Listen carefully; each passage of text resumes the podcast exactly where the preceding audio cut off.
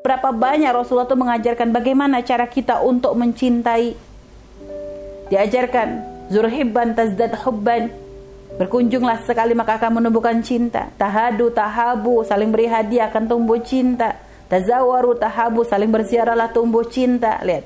Ada banyak cara diajarkan Rasulullah tentang mencintai, menunjukkan begitu pentingnya makna cinta. Bahkan sampai nanti di akhirat ya akan dipanggil dikumpulkan siapa orang-orang yang saling mencintai karena Allah maka akan berada di dalam naungan Allah di hari yang tidak ada naungan kecuali naungan dari Allah Subhanahu wa taala.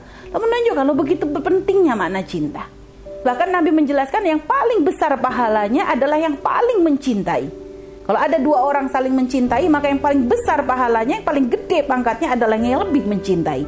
Dan ketahuilah di dalam hidup kita tidak ada yang bisa melebihi cinta tidak ada satupun yang bisa menandingi cintanya Nabi Muhammad kepada kita semuanya.